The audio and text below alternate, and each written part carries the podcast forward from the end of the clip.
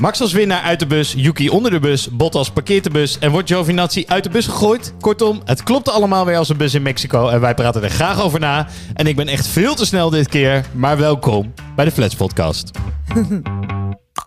You need to go, you need to go. Bottas is coming. that we go from race to race and then from race to race it went from day to day and then from day to day it went to session to session you know Are you crying?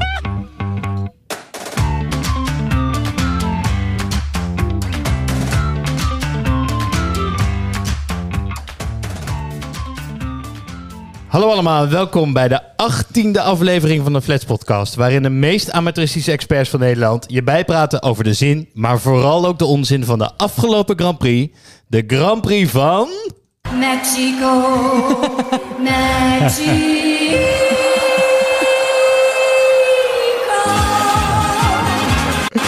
Vandaar dat ik dat mariachi-thema er niet in mocht gooien. Je had gewoon al wat voorbereid. Ik had even een introotje voorbereid met de zangeres zonder naam. Mooi 1 tweetje. Ehm Met jezelf. met mezelf eh, ja, en de zangeres zonder naam. Maar gelukkig inderdaad, vandaag eh, hoef ik het ook wederom niet alleen te doen. Ik zit uiteraard met de twee P's, Pien en Peet.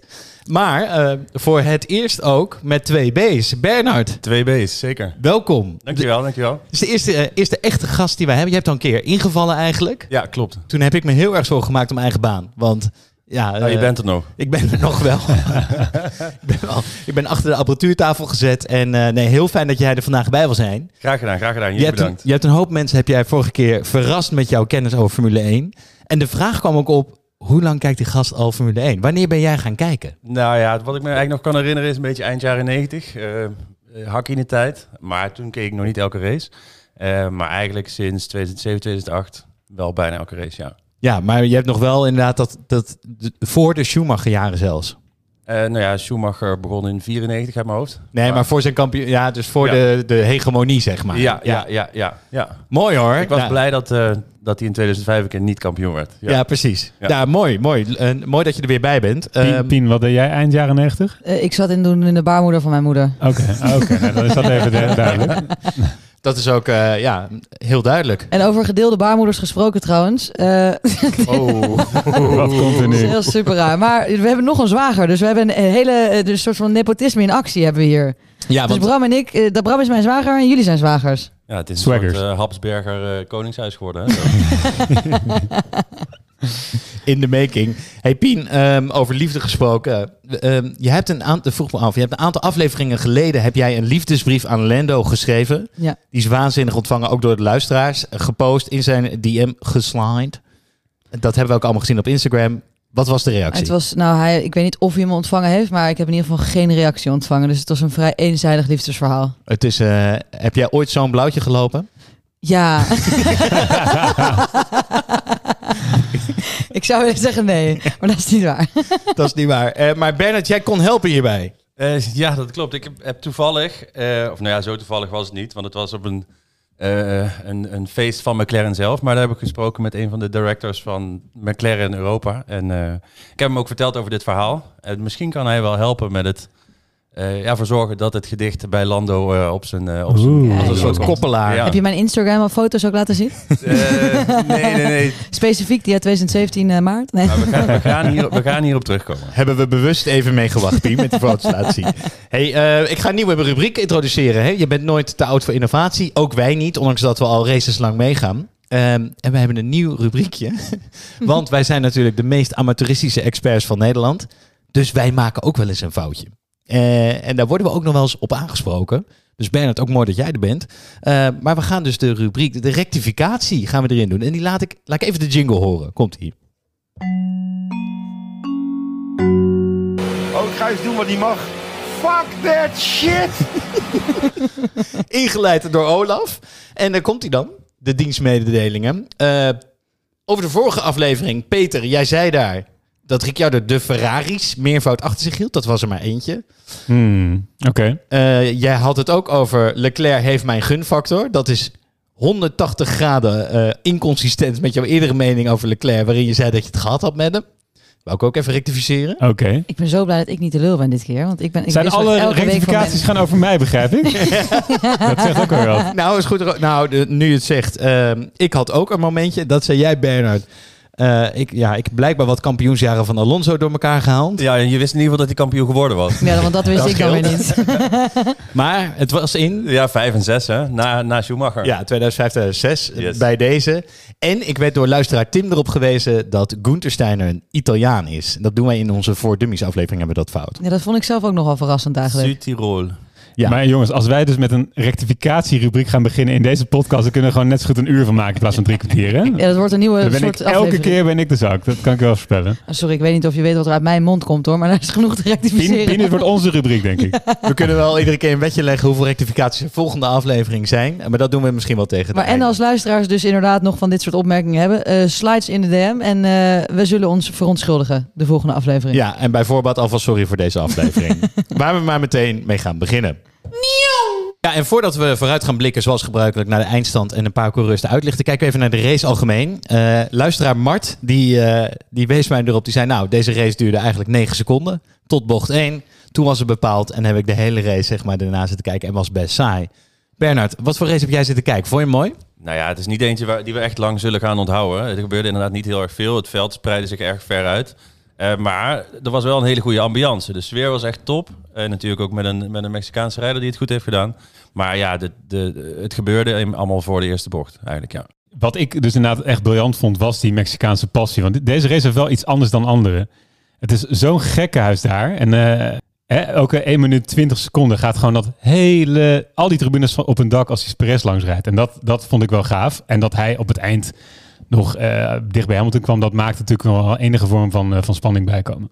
Ja, maar dat was het dan ook wel, moet ik eerlijk zeggen. Maar ik, de, de passie knalde wel door je tv heen. En ik denk eh, misschien wel beter dan Zandvoort. Ja, dat was mijn vraag, ja. Want, maar toch, in Nederland zijn iets boeriger of zo. Dit was toch iets meer passie voor de sport, had ik het idee. En in Nederland was het gewoon, eh, snap je? Maar dat zat niet alleen tijdens de race, maar misschien ook in de reacties achteraf. Want daar hebben we natuurlijk een coole kikker gehad, eh, een Nederlander die in Zandvoort won. En nu had je de nummer drie die, eh, die bijna tot, tot president werd benoemd, zeg maar. dat is wel echt waar. dus ook naderhand zie je dat inderdaad eh, de sfeer hoog blijft. Ja, het viel me wel op dat Checo eerder op de schouders ging dan Max. Bij dat eh, team van Red Bull. Ja, Als je, als je niet de race had gekeken en alleen die celebration, denk ik dat je dacht dat Checo had gewonnen. Nou, ik denk- wereldkampioen geworden ongeveer. Zo groot was die vreugde. ik denk dat Max absoluut niet op die schouders wilde gaan. Maar omdat Perez was, was, was gegaan, dacht het team van ja, nu moeten we Max ook doen. Maar Max wil helemaal niet op de schouders gaan zitten. ik daar. denk dat Max met de volgende race, die was er met zijn ingenieurs aan het overleggen wat er verbeterd moest aan die auto voor de volgende race. Weet je, die is zo gefocust, die gast. Ja, en toen moest hij nog eh, die tribune-entree maken, dat podium-entree. Dat vond ik zo briljant. oh ja, inderdaad. Dat het die Dat- auto omhoog kwam. Dat was ook wel een beetje ongemakkelijk. Maar oké, wel, wel weer echt heel Mexico. Ik heb, ik heb wel, na dit weekend, ik heb een beetje het gevoel dat ik nooit meer de kwalificatie hoef te kijken.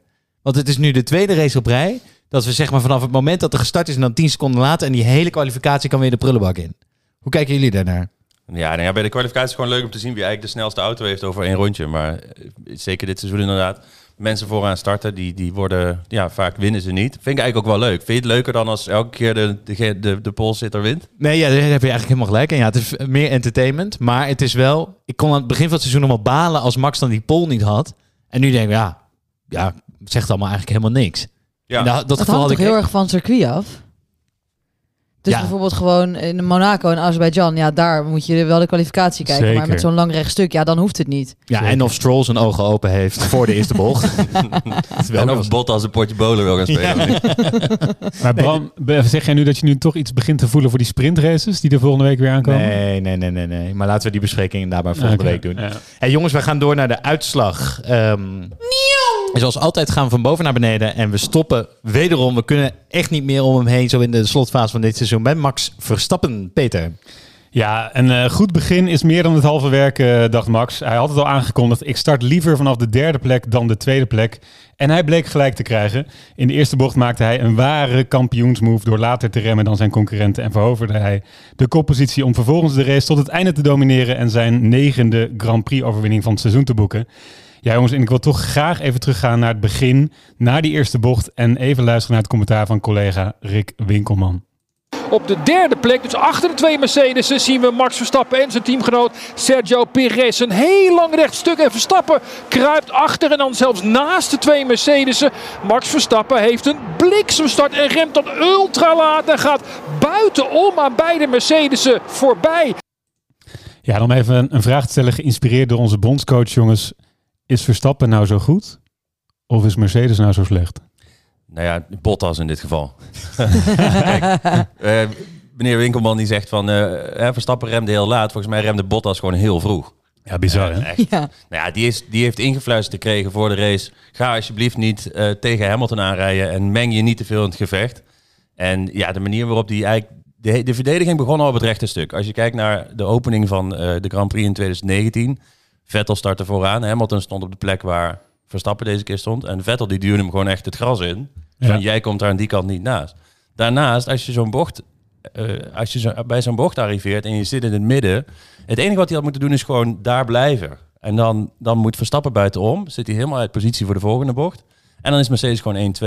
Als Bottas niet zo laat geremd was, dan was Max niet de eerste geweest na die, na die eerste Maar wa- wa- was het daarnaast eh, hè, ook niet gewoon heel goed remwerk van Max? Want Bottas schijnt aangegeven te hebben. Ik dacht dat Ver- Verstappen rechtdoor zou schieten, zeg maar, zo laat remmen. Ja, maar hij was, Bottas was de enige die zo vroeg remde. De, de Italiaanse sportkranten hebben hem de derde Red Bull-coureur genoemd. Nee, echt? Ja, ja, ja. Oh. Omdat hij in die, eh, in die eerste bocht echt alles fout deed. Ja, het is ook wel eens. zo. Twee. En heel veel ruimte laten en te laat remmen. Of te vroeg remmen. Ja, en dan vervolgens ook te vroeg naar binnen snijden, waardoor Ricciardo tegen hem aanreed. Ja, ik vind ook, maar daar komen we denk ik zo nog wel op terug. Wat er met Bottas uiteindelijk is gebeurd. Ik vind het allemaal zijn schuld. Ja, Bottas laat een puntje, daar heb je gelijk in. P, P, ga verder.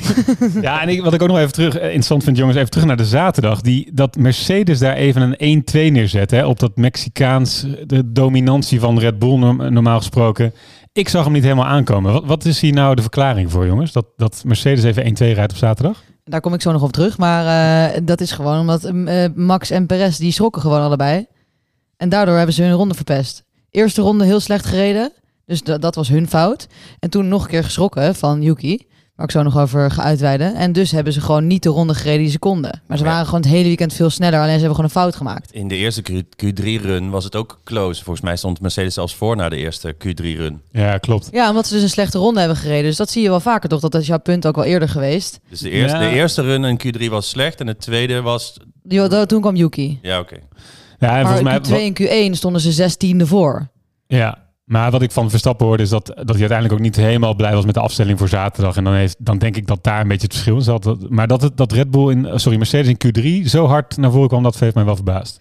Dat doen ze toch altijd in de, in de kwalificatie, in de vrije train. Zo oeh, oeh, oeh. Oeh, we hebben helemaal geen snelheid. En opeens zo, in kwalificatie zijn ze opeens heel snel. Ja, behalve dus twee weken geleden in Austin. Toen stond opeens Max op de pol, waar Ja. niemand had verwacht. En nu staat Bottas, Bottas ook van de twee, weet je? Hoe kan dat? En wat hij best snel is, maar hij kan gewoon niet zo heel goed rijden.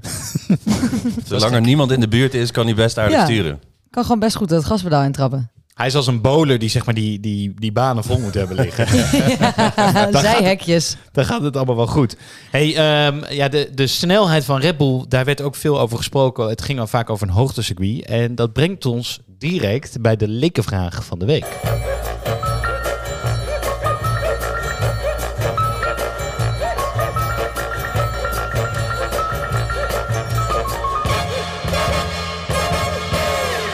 Stupid. I am stupid. I switch off everything. Ja, de lekenvraag van de week, waarin Peter eigenlijk elke race een vraag van een luisteraar behandelt en probeert de Formule 1 weer een stukje begrijpelijker te maken voor jullie. En de vraag van deze week luidt, heel eenvoudig gespeeld, waarom heeft Red Bull eigenlijk een voordeel op circuits die op hoogte liggen? Ja, dat is een goede vraag. Eh, eh, en hè, laten we daar eens op ingaan. Doordat er op grote hoogte gereden wordt in Mexico, gaat het dus om ruim 2000 meter, is die lucht veel eiler. En de luchtdichtheid is dus veel lager. En die eilere lucht die zorgt ervoor dat de turbo, dat is dus eh, een eh, onderdeel van eh, vlak bij de motor die ervoor zorgt dat er meer vermogen uit de verbrandingsmotor wordt gehaald, meer rotaties moet maken om dezelfde lucht in die, in die, in die verbrandingsmotor te krijgen. En deze extra rotaties die nodig zijn op die hoogte, die geven een betrouwbaarheidsrisico. En ja, daar gaat Red Bull door de jaren heen beter mee om. Heeft daar minder problemen mee dan bijvoorbeeld Mercedes. Ehm, en, en dat is wat je, wat je ziet op die hoogtebanen. Kijk even naar de expert. Bernard, is het juist beantwoord? Kijk je naar Dit mij? hoeft niet gerectificeerd te worden, nee. Ik Nee, hoorde maar- van Robert Dormers ook dat, eh, dat Honda vliegtuigmotoren bouwt. Dat het ook daaraan ligt. Dat is nieuw voor mij. Nou, dat, dat, dat is inderdaad wel een voordeeltje van Honda. Die, die maken inderdaad vliegtuigmotoren, dus weten wel hoe het is om te werken met motoren in, op een grotere hoogte inderdaad. Ja. Daarnaast iets wat denk ik ook heel belangrijk is, is eh, omdat die lucht zo L is daar, heb je dus ook de afstelling van de auto is voor super high downforce. De, de vleugelangles die ze gebruiken is eigenlijk hetzelfde als in Monaco. Terwijl het een, eigenlijk een van de snelste circuits is van het, eh, van het seizoen. En je ziet eigenlijk door de jaren heen dat Red Bull gewoon het beste is in peak, peak downforce. Dat komt Ja. door die higher rake. Hè. Die hele auto staat steiler dan bijvoorbeeld de Mercedes. En daarom, ja, daarom ligt dit dus ook beter. Dus het is turbo samen met het feit dat, ze, dat het circuit ze gewoon dus beter ligt. Omdat het lijkt op een downforce circuit. Eh, zij zijn goed in hele hoge downforce genereren. Ja. Ja. Ja. Ja, Christian Horner heeft ooit iets moois over gezegd. Hè? Want het gaat dus ook eigenlijk over de, de turbo. Die is de sleutel tot, tot succes op zo'n circuit. Horner heeft hierover gezegd in de jaren dat de, de afstand tussen Mercedes en Red Bull echt veel groter was. Eh, hij zegt omdat de lucht zoveel dunner is, wordt de motor wat kortademig en dus wordt het vermogen minder bepalend. Dus dat vond ik wel mooi, het kortademige van de motor. En die wordt door een, door een turbo eh, eh, gecompenseerd. Misschien kan hij na zijn carrière poëet worden en dichter Luc opvolgen. Ja, Hey. nou, dat zou mooi zijn. Dachten we daarvan. hey, bedankt jongens. Nee, mag ik Eh, nog wel even één ding vragen eigenlijk? Oh. Ja, sorry, ik even tussendoor. Maar die Rick Winkelman, hè, daar zat ik nog net over na te Welke zender was jij dit aan het kijken? Sinds wanneer is hij commentator van Ja? Pien, dit is een hele scherpe vraag. Want ik zat gisteravond in de kroeg. Ik heb helemaal niks van Ziggo verstaan. Maar dit is gewoon het samenvattingje op hun YouTube-kanaal. Oh, echt? Eh, ja. Ik dacht al, want geef mij die zender dan. Ik ben fan van Rick Winkelman geworden. we waren ondertussen wel bij de lekenvraag. Dit was nog in de rubriek ja, daarvoor. sorry, dus, ik was er even heel lang over na aan het denken. dus we gaan nu naar de volgende rubriek. Stel daar vooral een vraag over de turbo. Want ehm, de volgende eh, coureur die we tegenkomen op de uitslaglijst waar we stoppen is eh, Pierre Gasly. Die is, en dat weet denk ik niemand, want niemand heeft hem gezien op tv, maar die is vierde geworden. Ja. Pien. Speaking of turbo, ja. Ja, want eh, Gasly die moet denk ik wel naar een chiropractor hierna. Eh, omdat hij eigenlijk al het hele seizoen lang de hele, het hele team op zijn rug draagt. Bedoemd. Nee, maar eh, in ieder geval, ik wil even een punt maken eigenlijk over AlphaTauri in het algemeen en eerst over Gasly. Want eigenlijk vind ik dus dat deze race weer ehm, laat zien wat een raar opleidingsbeleid Red Bull heeft. Dus te beginnen met Pierre Gasly, hè? Niemand heeft het dus gezien. Hij is vierde geworden. Houdt allebei de Ferraris achter zich. Echt prima comfortabel. Zelfs een undercut, hè, waar de twee Ferraris hem geprobeerd hebben eruit te lokken, is ook niet gelukt. En het hele seizoen, als AlphaTauri geen fouten maakt, is hij gewoon als een gek aan het presteren. Hè? Dus 106, ze staan nu gelijk met Alpine, Ja, bizar. een fabrieksteam. Hè? Dus een opleidingsteam staat nu gelijk met Alpine, het fabrieksteam. Ze zijn nog nooit zo hoog hebben ze gestaan in het kampioenschap. Al- eh, en dat komt eigenlijk allemaal door Pierre Gasly. Die heeft 86 van de 106 punten gehaald dit jaar. En alsnog krijgt hij geen kans. Eh, bij een, tenminste, ik vind dat hij, daar hebben we het natuurlijk over gehad. Maar goed, ehm, dat wilde ik eventjes zeggen. En daarbij, nou, wat vinden jullie ervan? ik was eigenlijk al door aan het gaan naar Yuki, maar ik moet eerst nog natuurlijk even vragen, eh, hoe hebben jullie dit ervaren? Niet, want je hebt het niet gezien. Nou ja, wat, wat, waar moet Pierre heen? Ja, dat is de grote het vraag, Het is ja. een opleidingsteam. En ik bedoel, Checo en, en Max. Max zit er sowieso nog wel een paar jaar. Checo denk ik één minimaal en misschien daarna nog wel. Hij kan natuurlijk niet op zijn 32e bij een opleidingsteam rijden op een gegeven moment. Nee, maar je gaat hem er toch niet uitzetten? Maar welk ander team, dus even los van het Nou. feit dat hij in de Bull... Welk ander team... Ik zat vandaag een beetje te, te fantaseren. Wat nou als hij Vettel op gaat volgen bij Aston Martin? Ze willen daar een ervaren coureur. Ik denk dat dat wel eens een goede, goed huwelijk zou kunnen zijn. Maar Vettel heeft wel bijgetekend voor komend jaar. Dus het is pas voor het jaar daarna. ja, ja, ja, na 22. Ja, ja. Oh, maar man. ik denk dat hij na 22 toch gewoon dat stoeltje van Checo krijgt, jongens. Zeker niet. Nee, hij heeft toch echt geen, Nee. hij heeft toch echt geen vrienden gemaakt hij bij Red Bull? niet terug naar Red Bull. Als ze zo blijft rijden, joh, dat kun je toch niet meer ontkennen? Maar dit is, eh, wij zijn ook een soort GTS-show van aan het maken... waarin elke aflevering weer dezelfde controverse opkomt. Want Maar dat, vindt, dat doet Pien. Ja, dat doe ik Die wel. houdt ervan, die houdt ervan. Ik zou zo graag niet de vrouw zijn in dit gezelschap, maar helaas ben ik wel. Ben ik gek op. Een soap. En over soaps gesproken, hè? Want daar moet ik het toch nog wel even over hebben. Eh, Yuki Tsunoda is ook, dat is dus het tweede eh, onderdeel hiervan, van het misbeleid van Red Bull. Die arme jongen? Nou, we hebben het vorige week natuurlijk over hem gehad, maar die is gewoon weer zo hard onder de bus gegooid door het Red Bull management. Ik heb een boordfragment meegenomen. Dus hè, tijdens de kwalificatie heeft hij natuurlijk eh Perez en Max een beetje in de weg gezeten. Terwijl hij was dus zo bang om in de weg te zitten bij Perez dat hij letterlijk van de baan af is gereden om maar aan de kant te gaan. Toen schrokken ze er allebei van, hebben ze hun ronde verpest en daardoor zijn ze dus niet als 1-2 geëindigd. En toen zei Christian Horner het volgende. How did this one get away from you? This one, I think we got zonoded. Um, you know, both drivers were up on their last lap. Max was up two and a half tenths. I think Checo was just under two tenths up. And uh, I don't understand why he was just cruising around at that part of the circuit. So, uh, you know, it's disappointing because it affected both the drivers. They're both pretty annoyed. But um, En deze jongen was letterlijk alleen op de baan om Gasly een toe te geven. Hè? Dus eh, van een teamorders was hij op de baan en dan krijgt hij deze reactie. Nou, vind je het gek dat ze allemaal met een burn-out daar weggaan daar bij Red Bull? Vonden jullie dit terecht? Nou, het is natuurlijk erg onprofessioneel van Horner dat hij zijn eigen rijder zo eh, eh, in de wind eh, hangt. Is, is dat het goede spreekwoord? Nou ja, je weet wat ik bedoel. Zeker. Onder de bus gooit. Onder de Ja. bus gooien, Ja. dankjewel. Eh ja, het, het, hij zegt zoiets in de heat of the moment. Ik denk wel dat, dat, dat hij eigenlijk de hele community over zich heen heeft gekregen. En eh, ja, sindsdien wel een goed gesprek met Yuki aangaat. Daar komen ze wel uit. Ja, heel internet staat bol van de verontwaardigde reactie. De- iedereen is wel achter Tsunoda gaan staan. Echt waar? Maar ik zal het verhaal nog erger maken. Het was een eh, instructie van het team. Ja. Van Alfa Tauri. Die zeiden, je moet van de baan af. Serieus? Want, ja, je, hij komt eraan. Oh, dat je is kan- goed. Dit is een, de nieuwe start-intro voor het volgende seizoen eh Flats podcast. Die Dief Boordradio. Ja, die moeten we even vinden. Maar je kan toch ook zeggen...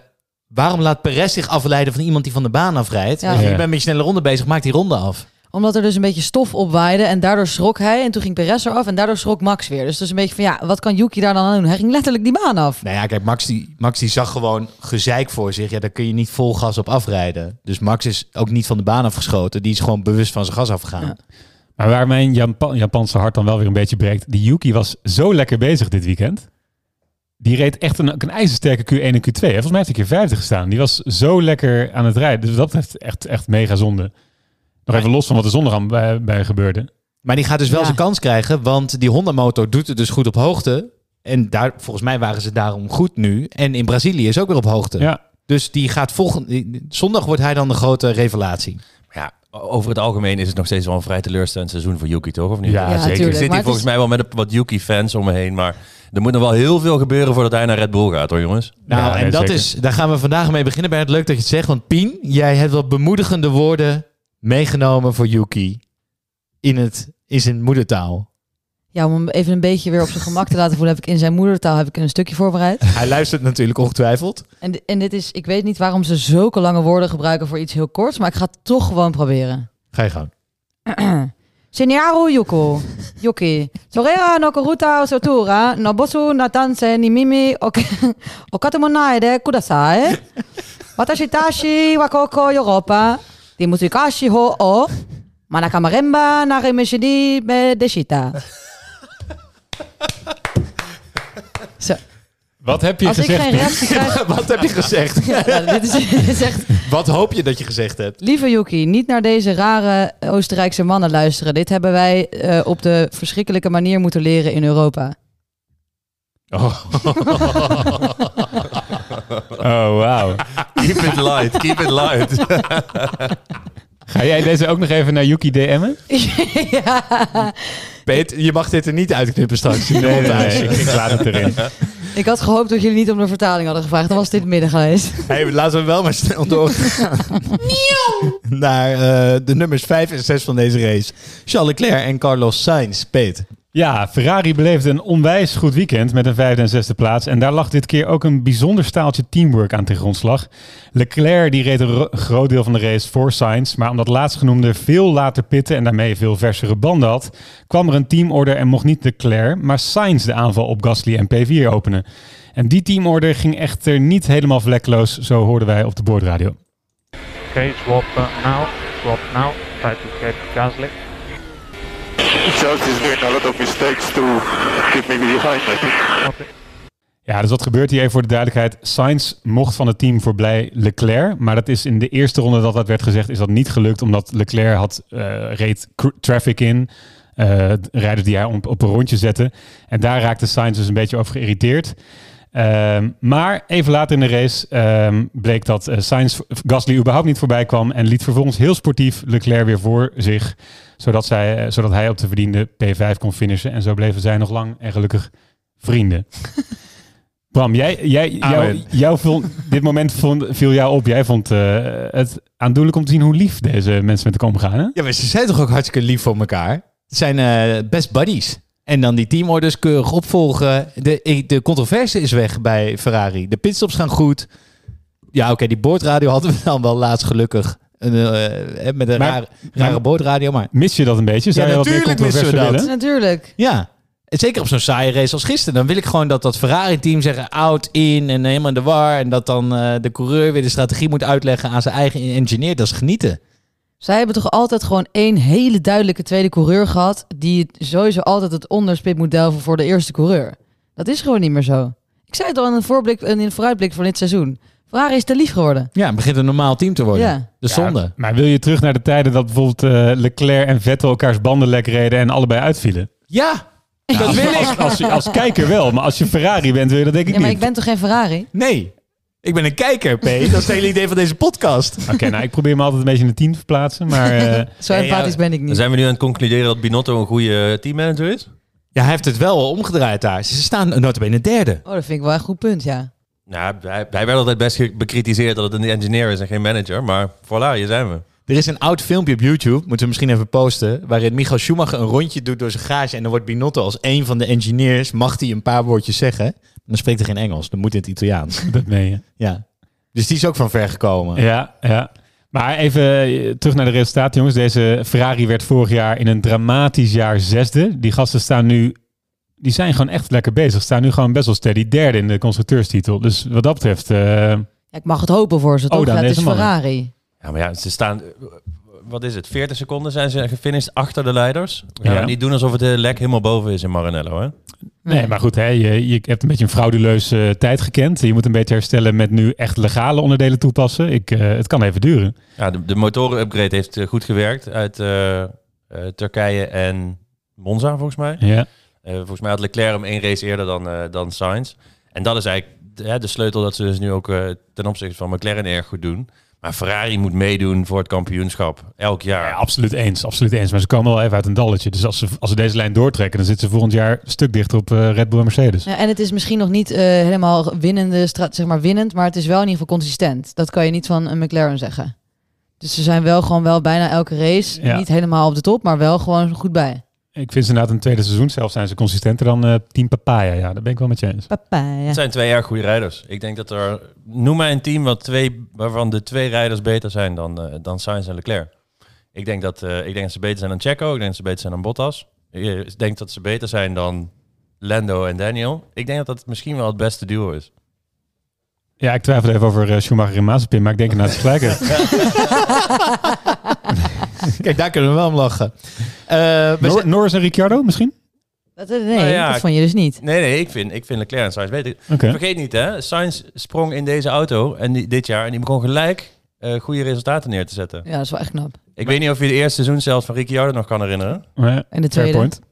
Maar Leclerc, Leclerc doet het nu drie races achter elkaar goed, dus die zal wel een fout maken volgende race. Eh, Is, is dat zo? Werkt Ja, dat zo? ja, ja, ja. Zo hij maakt heel veel fouten. Ferrari traditions. Ja, precies. ja, dus, en zijn we dan toch weer terug bij het begin van het punt. Hey, wij zijn halverwege onze punten en we gaan naar de rubriek Buiten de baan.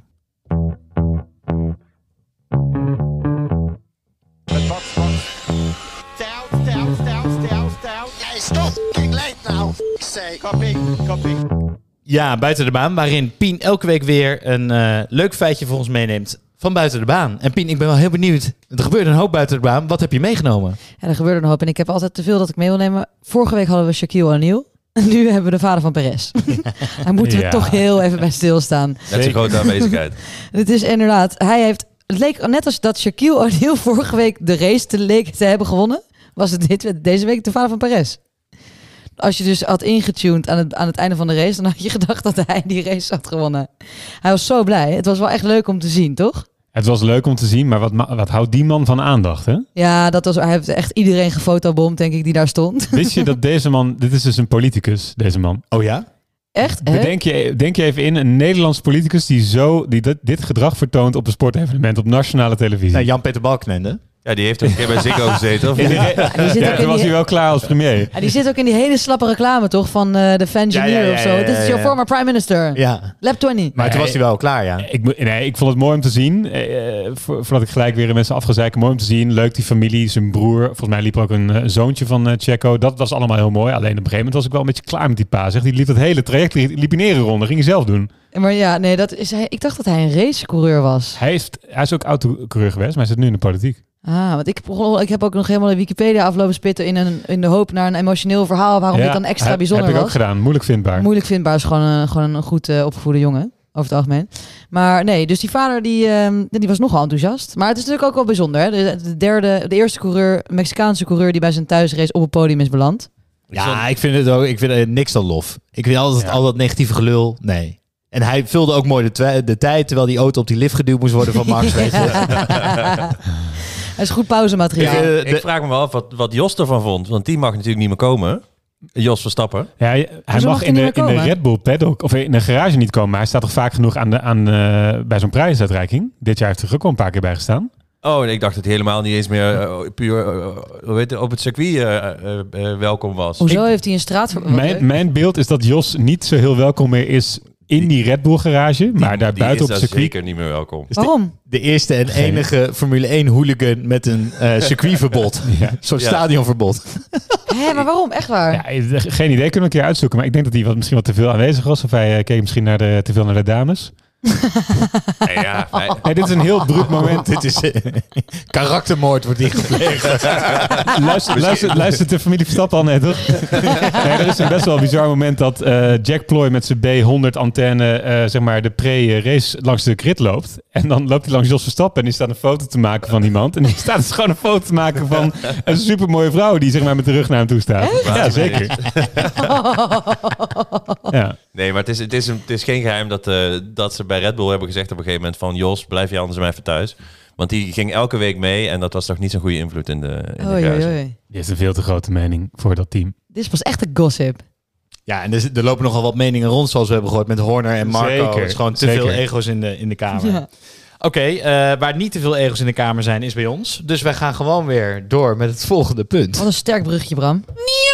En dat is de- naar jou toe, Pien. Want het gaat over Giovinazzi en die is elfde geworden. Dat klopt. Breaking news. Sorry, sorry. Mensen vallen van de stoel. Volgende punt. Nee, ik- we hebben eindelijk een reden om het over Alfa Romeo te hebben. Want we hebben het al drie keer geprobeerd en drie keer hebben we het uit de aflevering geknipt. Maar hij is dus elfde geworden, maar niet helemaal naar eigen wil. Want volgens hem, en de gemoederen zijn een beetje hoog aan het oplopen tussen Alfa Romeo en Giovinazzi. Want zoals we al eerder hebben besproken, het stoeltje is nog steeds niet bevestigd. De enige op de grid die nog niet zeker is. Dus Giovinazzi moet vechten voor zijn toekomst. En hij heeft na deze race gezegd... Ik heb het gevoel alsof Alfa Romeo er alles aan doet om mijn races te saboteren. En ik denk nu echt opzettelijk. Serieus? Ja. En waar heeft hij, heeft hij Dus- letterlijk voor eh, internationale televisie hij- gezegd? ja, Ja, ja, ja. Dus ik heb het fragment niet gevonden, maar hij heeft het wel in een interview gezegd. Want wat is er nou gebeurd? Hij heeft dus bij die race start is hij van P11 naar P6 gegaan. Helemaal knap, knap, knap. Toen heeft zijn team hem veel te vroeg naar binnen gehaald. Is hij achter Bottas en Ricciardo terechtgekomen op de baan.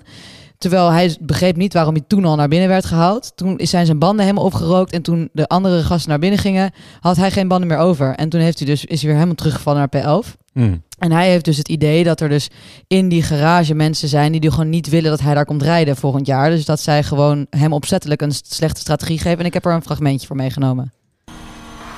Always line, uh, Motorvel, Motorvel. Hey guys, thanks for the great strategy. Je denkt dit klinkt heel normaal, maar dit is dus extreem sarcastisch. Oké, maar als ik het goed begrijp, Giovinazzi gelooft dat zijn team hem bewust aan het saboteren is om hem naar achter te halen. Gelooft hij ook dat, eh, dat je ziek wordt van vaccinatie? Ja, precies. Is die gevangen? Het net hetzelfde vragen, ja. Dit is wel gewoon een conspiracy tot en met, toch? In de Formule 1. Ja, hier, eh, er staat letterlijk, ik heb een quote. Does Alfa Romeo do everything to ruin my races? Until now I didn't want to believe it, but today I'm really disappointed and angry with my strategy. Nou, het is wel duidelijk dat hij niet in dat stoeltje zit. Ik wou net jaar. zeggen, deze, Ja, ja, deze ja. man heeft gehoord dat hij volgend jaar niet voor dit team rijdt. Anders ga je dit toch nooit zeggen? Nee, natuurlijk niet. En Nee. ik zou zelfs, als ik een andere teambaas was, hem ook niet meer in mijn stoeltje willen, omdat hij zo'n dingen zegt over zijn eigen team. Nee, dus het is een beetje eigenlijk de Ferrari waar Ferrari een liefteam is geworden. Dus eigenlijk het Ferrari opleidingsteam is een beetje het nieuwe Ferrari geworden. Ja. Met een tweede coureur zo naar buiten duwen. Maar het is ook wel weer goed, want ehm, als hij bevestigd was, was er niemand vervangen voor komend seizoen. Dan was er Ik, dus vind, ik vind hem niemand... de meest kleurloze eh, acteur op het podium. Ik bedoel, een Mazepin, daar gebeurt hem tenminste nog een keer wat mee. Nou, ho even, Latifi. Nee, sorry, Ocon. Ja, hebben. Ocon. ja. Bram, jij was ooit een beetje fan van Giovinazzi. Racewinnaar Ocon bedoel je? Ja, Ja, one hit wonder. Ja, Precies, ja, door Alonso. Ehm, nou ja, maar, nou, maar ook weer voor wat hij ook weer laat zien deze race voor zijn e- openingsrondes. Ja, hij had een super, super eerste lap. Die zijn waanzinnig. Maar ja, ik moet wel zeggen, daarna ben ik er vanaf gestapt. Ik ben geswitcht naar Sainz. Dus je bent niet de enige die inconsistent is, Peet. Ik denk maar- dat we volgende week, P, moeten wij even een rectificatierubriekje doen Ja. met eh, Ja, Bram. dat lijkt me goed. Oké, ik denk dat we er maar weer uitknippen. En, en doorgaan naar het volgende punt. De laatste coureur van vandaag die we behandelen. En dat is, eh, dat is Bottas, want die komen pas tegen op de 15e plek, Peet. Ja, en eh, daar kunnen we van zeggen van hero tot zero. Want eh Valtteri reed eigenlijk het hele weekend goed. Was in bijna elke training sneller dan Hamilton. En reed ook nog eens tegen alle verwachtingen in naar pole position op zaterdag. Alles liep op rolletjes tot die beruchte bocht 1 in de race op zondag. Ja, jongens, volgens mij wel even behandeld die eerste bocht. Eh, maar ik kwam eigenlijk dat op, ik heb zitten tellen, drie fouten die hij volgens mij maakte in die bocht 1. Hij dekt die buitenkant niet goed genoeg, waar Max langs gaat, dat is één. Twee, hij remt te vroeg. En drie, hij pakt te krap die bocht, waardoor eh, met te lage snelheid, waardoor de Ricciardo in hem rijdt. Dus hij maakt gewoon drie fouten in één bocht. Nou, ik denk, ik denk dat Toto echt eh, ziedend was.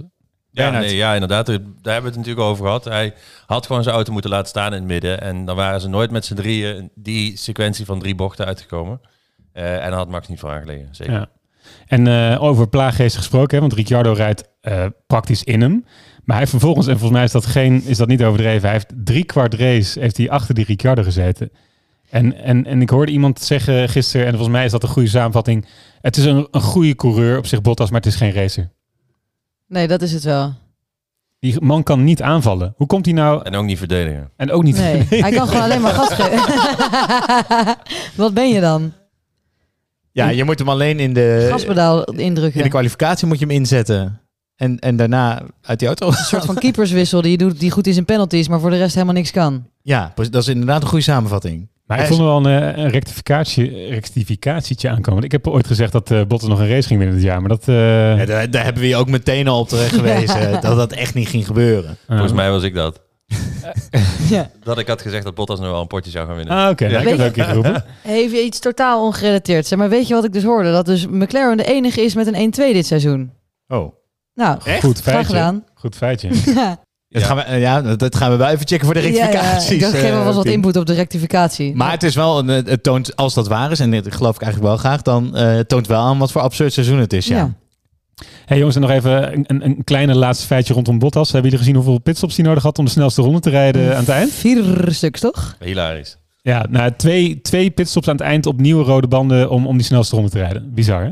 Ja, en heb jij gezien dat hij een eh toon nodig had van notabene Russell om die snelste ronde volgens te kunnen rijden? Ja, ongelooflijk. Dus Russell rijdt achter hem vlak voor het stadion. Hij laat zich terugzakken achter Russell om op start-finish achter Russell te zitten, zodat hij op het re- rechte stuk er weer voorbij kan. Eh, en zo heeft hij die snelste ronde gereden. Ja, samengevat, eerst word je gepiepeld door Max, die, eh, die voorbij laat en weer terug inhaalt. Dan inderdaad het ding met Russell. En daarna dus inderdaad een snelste ronde neerzetten waar je nul punten voor krijgt. Het is Bottas ten voet uit. Maar als je nou toch Alfa Romeo bent en hij komt volgend jaar bij jou rijden en je weet, ik bedoel, Alfa Romeo start altijd met auto's om zich heen, nooit in de vrije lucht. Dat wordt toch een drama volgend jaar? Ja, nou ja, misschien dat ze hem iets kunnen leren. Daar in eh, Zwitserland is denk ik, is een Zwitsers team. hè? Ik, ik, eh, ik weet het niet. Hij heeft in ieder geval wel veel ervaring. Hij kan goed kwalificeren. Hij heeft gewoon, ja... Ja, Punt. ik, nu ik erover nadenk, ervaring is eigenlijk het enige wat hij heeft. Ja, goed. Ja, eh, volgens mij hebben we hem uitgebreid besproken. Ik vind het wel sneu voor hem. Ik, hij heeft toch een klein beetje een, eh, een sneuheidsfactor over zich, toch? Ja, dat is echt wel een categorie poedelprijs, hoor. Ja, maar goed. Hij, hij, Hij heeft zijn kans gehad, hè? kans Vijf jaar bij Mercedes, kom op. Ja, tien winsten in vijf jaar is niet zoveel. Wat ook niet zoveel is, ehm, was het aantal punten wat we hadden. Want eh, voor deze race zit het er weer op. Maar voordat wij naar onze vooruitblik gaan, gaan wij zoals altijd eventjes heerlijk achteruit zitten. oogjes dicht. En we gaan naar de rubriek Dichterop, waarin Dichter Luc in eh grofweg een minuut deze race weer beter samenvat dan wij in drie kwartier.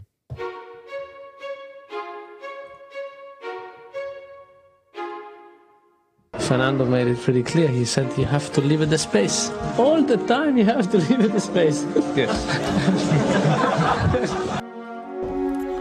Op de set van Hermanos Rodriguez waren dit weekend alle camera's gericht de bende van Red Bull en het Mercedes-kartel.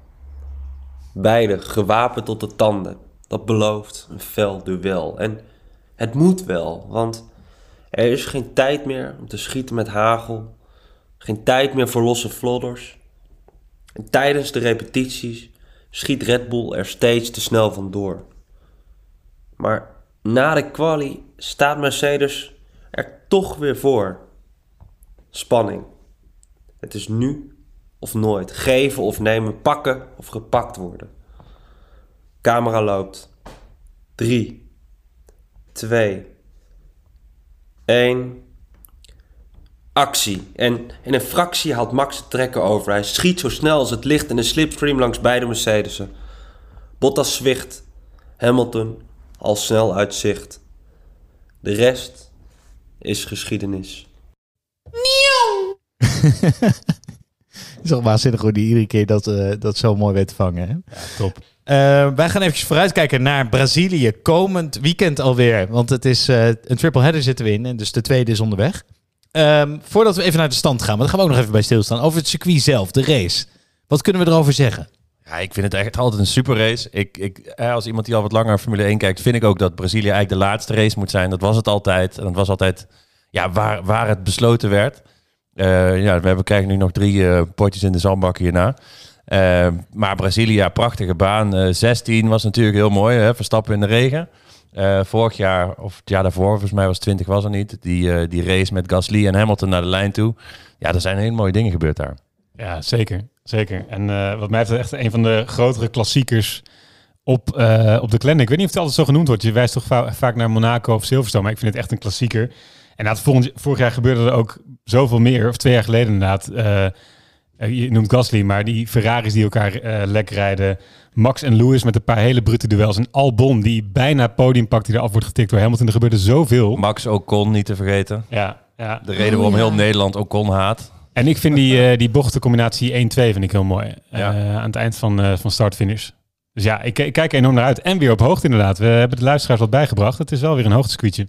Dus we kunnen wat regen verwachten. Eh, Olaf Mol vertaalde het al vrij voor ons. Interlagos tussen de meren. Chill, vrij vertaald tussen de meren. Precies vertaald tussen de meren. Het regent daar vaak. Heb ik nooit bij stilgestaan. En daar heeft inderdaad, wat jij zei, 2016 heeft natuurlijk de Braziliaanse fan heeft Max in hun harten. eh, is, ja, voor alle luisteraars die die race niet hebben gezien, ga hem kijken. Brazilië 2016. Ja, dus daar was dat eh, fragment wat dus in onze rectificatie-jingle zit van Olaf Mol die zegt: Fuck that shit. Dat is door dat moment. Doordat Max Verstappen daar zijn auto redt Ja, in de regen. heel vet. Ja. Ehm, de, voor iedereen die ook zit te luisteren, die thuis heeft, het is, om, eh, om, het is ook weer een sprintkwalificatie. Dus het is niet een normale kwalificatie. We hebben dat ook een keer uitgelegd. Lees die aflevering vooral terug. Eh, maar hou dat in de gaten. Die is om half negen op de zaterdag. Zaterdag. En dan is om zes uur s'avonds op zondag is de race. Maar dan jongens, even naar de stand. Want het is mega spannend op heel veel vlakken. Ten eerste Max en Lewis natuurlijk. Max staat 19 punten voor. Wint hij, wordt Lewis tweede, wordt die voorsprong 26 punten. Yes. Dan zou Max een race kunnen uitvallen. Staat hij nog steeds eerste. Ja. Grote vraag is, Moet Lewis nog een wedstrijd uitvallen? eh, dat ook trouwens, maar kunnen we de vlag al uit gaan hangen? De Nederlandse, kunnen we hem al van zolder gaan halen? Die, Ja. die vlag uit 88, zeg maar. Ik, ik, volgens mij, ik, ik, eh, kijk, ik word vaak gerectificeerd, maar laat ik deze even eh, pakken. Mogelijk. Volgens mij ben ik wel een van de eerste geweest die zei dat Max kampioen ging worden. En daar sta ik nog steeds volledig achter. Zonder te veel de Tom Coronel hier uit te hangen. Ja. Wat denk jij, Bernard? Ja, nou ja het, het, staat er goed voor. Eh, ik eh, ging er ook wel vanuit dat hij deze zou winnen. Ik denk dat de, de, de, die van vorige week, hè, de Grand Prix in Austin, belangrijker was dan deze. Deze die telden we eigenlijk al wel mee. Ja. Maar eh, ja, ik, ik, ik ben nog lang niet safe hoor. Eén, eh, één keer een gekke, gek moment, zoals Ja. op Silverstone, zoals in Hongarije. En, eh, en het ligt weer allemaal open. Dus eh, het, het, het gaat goed, maar we zijn er nog lang niet. En de zandbak, je weet, je, dit zijn twee nieuwe circuits ook, dus je hebt geen en, idee. En Abu Dhabi hebben ze verbouwd. Dus je weet eigenlijk van de, de drie laatste circuits weten we eigenlijk niks. Wat Ah, jij, Bram? Ik word, ik word nummer twee in de Polonaise, Peet. Ik loop achter je aan. Lekker. Ja, want ehm, nou, hij heeft, de- voor mij is deze bocht van deze race, dus dat hij ze buiten, dat wordt de foto van zijn kampioenschap, denk ik. Ja. Ik vind het wel eh, flinke statements die hier worden gemaakt eigenlijk. Nou, het komt ook met, hij, heeft, hij lag 20 seconden voor op Hamilton, hè, einde van de race. Hij heeft een 20 seconden, hij kon bijna een vrije pitstop maken. Ja, maar er moet maar één mazepin in een race tegen je wiel aanrijden en dan ben je gewoon weer de lul hoor. Ja, maar dan komen we dus weer op mijn, eh, mijn bronnen die zeggen dat eh, Hamilton misschien nog wel die motor moet wisselen. Dus de kans dat er iets geks gebeurt met Hamilton vind ik groter dan met Ja. eh, Max. Ja. Ehm, een ander gevecht wat we misschien vergeten is om plek nummer drie. Eh want Perez staat nog maar, tussen aanstekens, 20 punten achter op Bottas.